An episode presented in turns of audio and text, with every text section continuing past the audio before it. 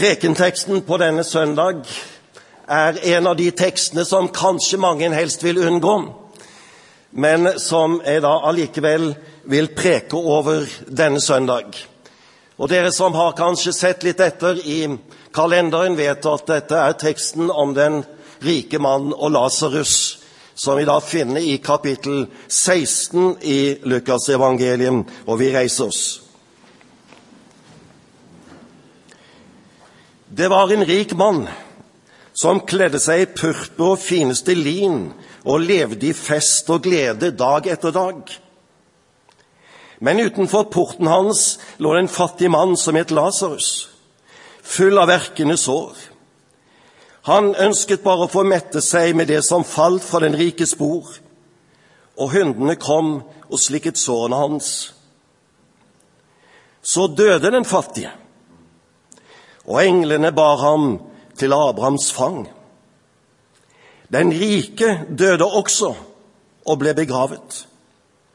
Da han slo øynene opp i dødsriken, hvor han var i pine, så han Abraham langt borte og Lasarus ved hans side.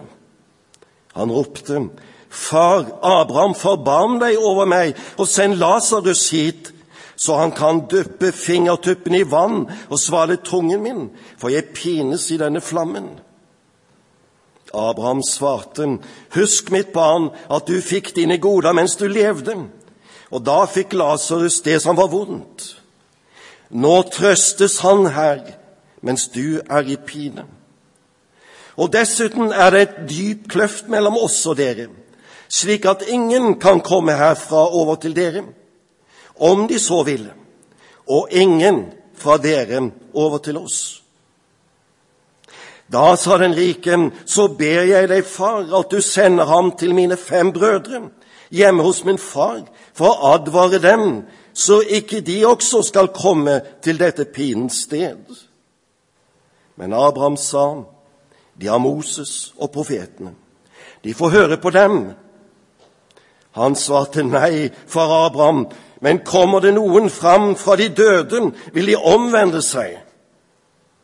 Abraham sa, hører de ikke på Moses og profetene, så lar de seg heller ikke overbevise om noen står opp fra de døde. Hellig oss i sannheten, ditt ord er sannhet. Amen.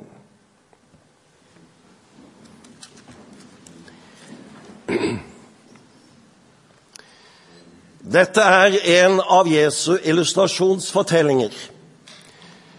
Og Vi kaller den for en eksempelfortelling, og det betyr at det er en fortelling ifra den virkeligheten som de vil si noe om.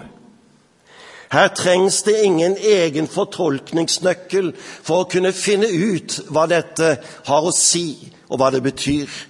Det er en direkte tale om den virkelighet som Jesus vil si noe om.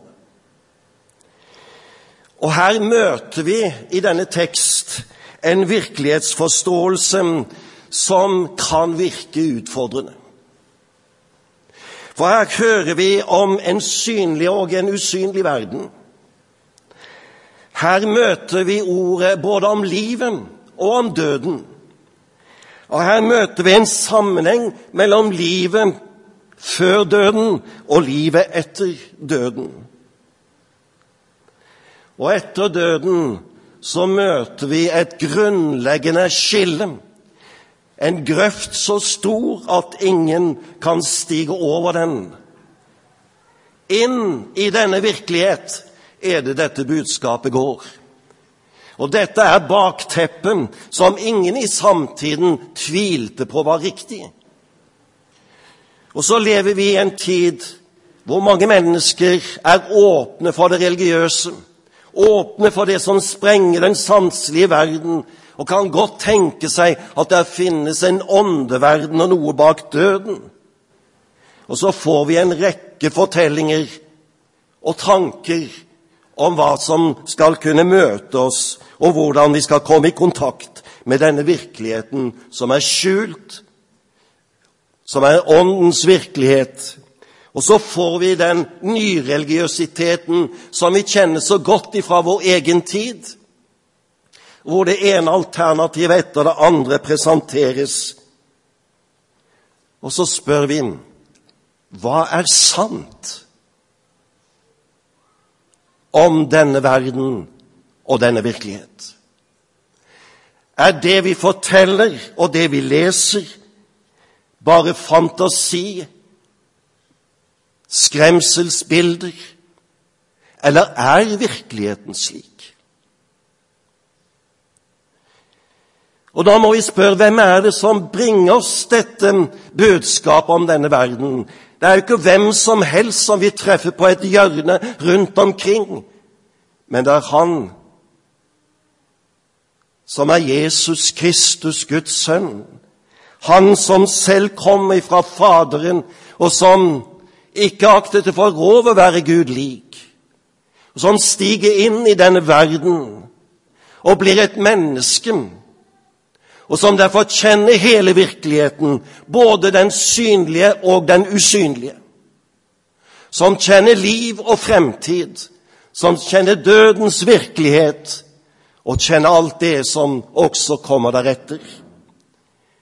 Når vi derfor taler, så er det ikke ut ifra våre egne tanker og forestillinger om denne virkeligheten. Men vi prøver å tale slik som Guds ord taler om den, og slik som Jesus har lært oss. Og Dermed så står vi overfor en illustrasjon av denne virkelighet som Herr Jesus presenterer for oss. Det er et pålitelig ord vi står overfor som har hans underskrift, og som derfor møter oss med sannhetskravet. Inn i denne virkeligheten, som her skisseres opp, møter vi altså to personer. Vi møter den fattige Lasarus, både før og etter hans død. Og teksten bruker egentlig færrest ord om Lasarus. Men vi får et bilde av hans situasjon før hans død. Han lever i fattigdom. Han lever som en tigger ved den rikes port. Han er full av sår. Han vitner med alt sitt om livets forgjengelighet, om at døden banker på han er ensom og forlatt. Men Jesus gir han navnet Lasarus. Og på den måten signaliserer han noe om denne personens livsinnstilling. For et navn gitt i denne kultur og sammenheng som nå Jesus taler inn i, betyr noe, gir en karakteristikk. Ordet Lasarus har en hebraisk bakgrunn som betyr Gud hjelper. Så midt i den livssituasjonen hans var i, så var det noe som karakteriserte hans livssituasjon allikevel på et dypere plan. Han vendte sitt hjerte og sinn mot Gud. For Gud hjelper den fattige. Ikke slik at den fattige nødvendigvis blir rik, ikke slik at den fattige i enhver situasjon blir helbredet. Men hans liv er lagt i hans hender, som hjelper. Slik var det med denne Lasarus. Midt i sin mangel på klær, mat og helse er hans tanke og sinn vendt mot Gud som hjelper. Og så sier teksten Døden kom. Han døde, denne fattige. Og døden innhenter alle mennesker. Alt som er født skal dø. Det er én ting som er sikkert og felles for oss alle som sitter her også i dag. Vi skal dø en dag. Og det er den største overgangen i våre liv. Når døden kommer. Det er det store skiftet. Og der forteller Jesus også om den store forskjellen. Englene kom og hentet Lasarus hjem til Abrahams favn. Og Dette uttrykket 'Abrahams fang' det er jo et uttrykk som fanger inn hele den gammeltestamentlige bakgrunnssituasjonen med Abraham som fikk løftene fra Gud om Abrahams velsignelse. I testamentet møter vi Abraham som de troendes far. Han er på en måte den som bærer hele denne vidunderlige Guds frelsesvirkelighet. Og nå skulle denne fattige Lasarus oppleve at Abrahams armer var rekt imot ham, og han plasseres på Abrahams fang, og han får all den trøst som han aldri fikk fra mennesker i sitt eget liv. Han er omfavnet, og døden er blitt hans store utfrielse, fordi han dør i troen på Gud som hjelper.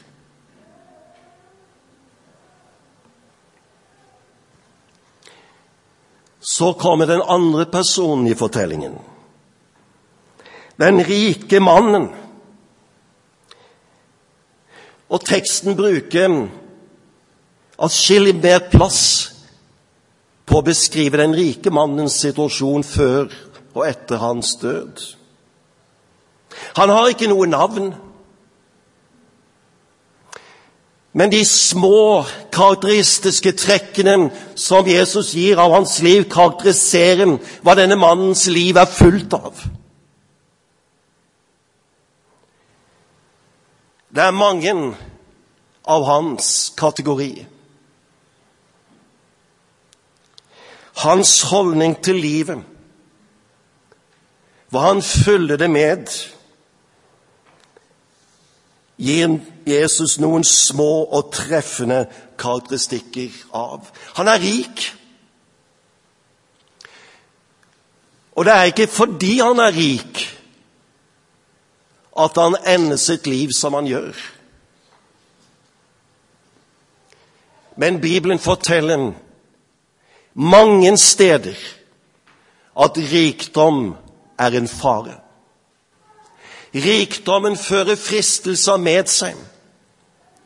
Rikdommen var lett for å føre til en livsholdning og livsfylde som fører galt av sted. Den som er rik, av han vil det kreves enda mer. Og denne rike mannen hva sier Jesus om han? Han kledde seg i purpur og fin lin.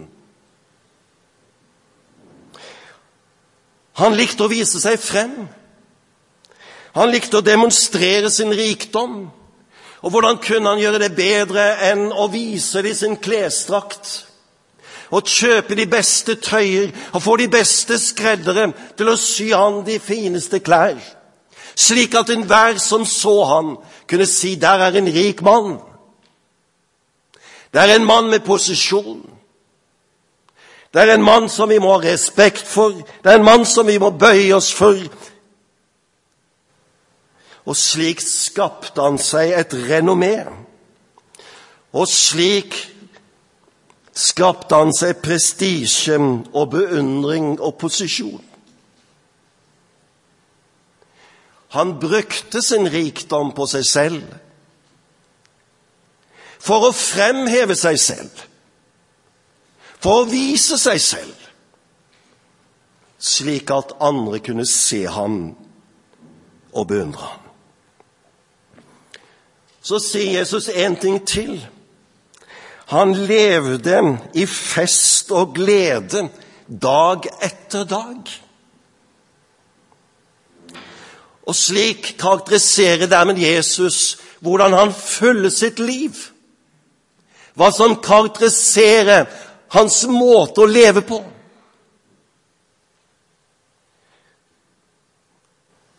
Han feiret seg selv ikke bare én eller to ganger i året, men dag etter dag. Han måtte ha rundt seg folk som var begeistra. Han måtte ha rundt seg god musikk og god mat og alt det som følger med en rik manns feiring. Det kunne ikke være stillhet omkring ham. Det kunne ikke være ro. Det måtte skje noe. Hele tiden måtte det være action. For i stillheten kan så lett tankene komme. I stillheten kan ettertanken melde seg. Hvorfor lever jeg? Hva gir dette livet meg? Og vi har utallige vitnesbyrd fra folk som har levd i denne måten, denne måten her og fyller sitt liv på. Når stillheten melder seg, så slår det inn en tomhet som er grufull. Og slik kan festen dag for dag prøve å skyve denne tomheten bort. Og slik fylle en sitt liv med det pengene kan gi.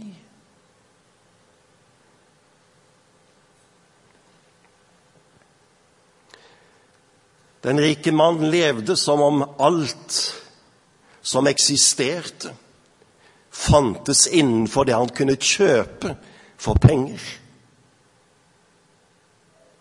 Og så fulgte pengene og det han kunne kjøpe seg, hele hans liv. Og så sier Jesus også den rike mann døde og ble begravet. Penger kan kanskje bidra til å utsette døden, men den kan aldri få den til å bli borte. Døden kommer til enhver, enten en er fattig eller rik. Og så får vi den største delen av fortellingen, som tar oss inn i den rike manns liv etter døden.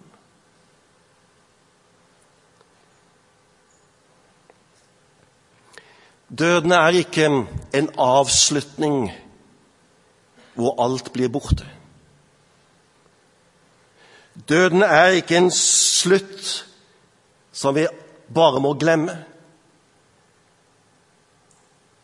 Og selv om legemet er brakt i grav, og vår fysiske kropp brytes ned, så er det noe med vår åndsvirkelighet som gjør at vi lever også etter vår død. Og vi møter da en rik mann etter sin død som er ved full bevissthet. Både om sitt liv, som er gått tapt, med de som lever på den andre siden, og med de som lever tilbake på jorden fortsatt. Og det første han oppdager, er adskillelsen. Han ser langt der borte denne fattige mannen Lasarus, som han hver dag kunne ha sett ved sin port. Men nå sitter han på Abrahams fang. Han trøstes av Abraham selv.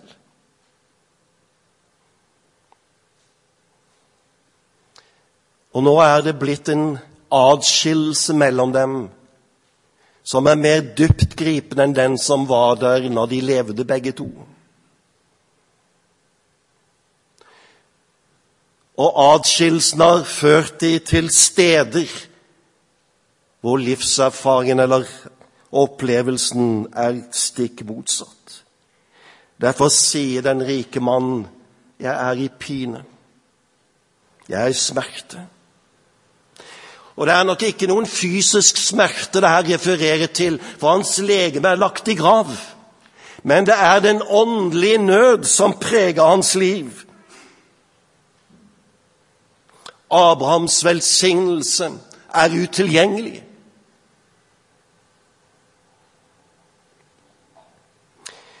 Derfor fremkaller dette synet av, av, Lasarus hos Abraham et stort, et stort rop om barmhjertighet. Men det ropet om barmhjertighet kan ikke oppfylles. Han ber om at Lasarus måtte komme over på den andre siden og dryppe sin finger i noe vann som kunne være med på å leske ham, slik han lider. Og uttrykkene her signaliserer den smerten som han er i. Send Lasarus. Men svaret er klart. Der finnes ingen bro imellom. Det er ingen mulighet til å komme over fra Abrahams fang til der hvor den rike mannen sitter. Og det er ingen mulighet for han å stige over og komme til Abrahams fang. Det er en atskillelse som er ugjenkallelig. Det er en uoverstigelig grøft. Først da begynner han å tenke på sin slekt. Hva med de som er tilbake på jorden? Som ikke har den erfaring som jeg sitter med. Og så er hans bønn plutselig vendt til forbønn for hans fem brødre. Kan du ikke sende Lasarus tilbake til jorden, slik at det kunne stige en frem ifra døden og advare dem? Ja, da vil det jo bli omvendt. Bare de kunne få se det mirakel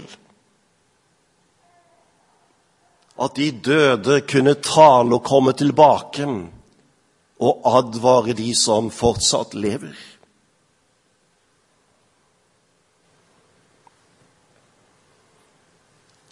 Og slik er det voldsomt lett å tro. Bare vi har mirakler, bare vi har de ekstraordinære tingene, bare det kunne være noen som vitner om at de var døde og kom tilbake og talte om livet bak døden, så ville nok folk tro, bli omvendt. Men det er slik at ethvert mirakel som måtte finne sted på denne jord, er diskutabelt. Og enhver slik situasjon vil bli fortolket og forstått på ulik måte. Avisene ville kanskje skrive om dem. Dagbladet ville ha sin oppfatning, dagens sinn. Og slik ville det stå en debatt om hva som skjedde. Det er først når miraklene fortolkes i lys av Guds ord, at de blir det tegn som Gud har tenkt når han bruker mirakler. De skal vitne om hvem Gud er, slik at det er ordet som fortolker og beskriver situasjonen og gir den et budskap. Det er det som skaper omvendelse ikke synet av de som skulle komme tilbake fra graven og døden. Derfor er det at fortellingen til slutt konfrontere oss med det eneste som kan skape omvendelse og nytt liv, og som kan føre mennesker til Abrahams fang inn i Guds fullkomne rike. De har Moses og profetene, sier Jesus. Og Dermed refererer han til Det gamle testamentet, som på den tiden var jo deres bibel. Og hvis vi skulle fullføre den uttrykksmåten, så måtte vi si vi har Bibelen. Vi har Det gamle og Det nye testamentet. Og hva er det som karakteriserer Skriften? Det er åpenbaringsordet fra Gud som forteller om hvilken virkelighet vi lever i, og hva som er avgjørende i livet. Gjennom dette åpenbaringsordet er det som Gud selv står frem og taler og handler, slik at vi skal forstå den situasjonen vi befinner oss i, og hva budskapet innebærer, og hvilke utfordringer budskapet gir oss. Og at hele vårt liv er avhengig av at vi er i samfunn med Han som er livets herre, som er vår frelser. De har Moses og profetene. Vi har Guds ord. Vi har det ord som bringer Gud nær til oss, og som gjennom det at Han taler inn i vårt liv, så handler Gud. Og det er det som gjør at det er et levende ord. Fordi at Gud som står bak, er den levende Gud. Han er ikke en død, han er ikke en eller annen hvem som helst, men er han som har skapt alt, holder alt oppe med sin mektige hånd, og som har vist hva han vil da han sender Jesus som sin sønn for å frelse oss, og som gir oss evangeliet, som er det budskap som kan føre mennesker i nød til den tro at Gud hjelper.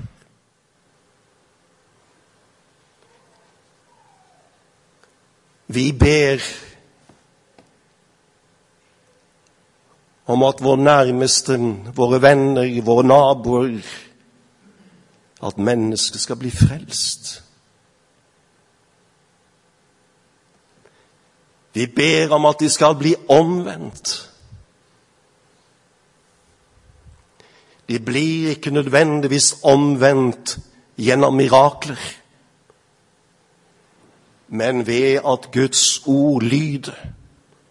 Slik som Gud har talt og handlet, slik at han også i dag kan tale og handle slik som han er. Og da setter han mennesket fri ved evangeliet. Når synden bekjennes, når den rike mann, og vi er rike alle sammen, når vi våger å bekjenne vår synd, så er det at evangeliet taler om hva Gud har gjort for syndere. Og han setter oss fri. Den tro som bærer, skapes der hvor ordet lyder, og hvor Den hellige ånd arbeider. De har Moses og profetene. Vi har Bibelen, Guds ord. Vi har det budskap som kan frelse. Så ber vi deg, Herre Jesus, om at det budskap må lyde i dag slik som ditt ord taler, slik at mennesker kan komme til tro og se deg, Gud, som hjelperen. Hør oss, Herren, også vi som sitter her. Måtte ikke vårt liv bli så hengende ved vår rikdom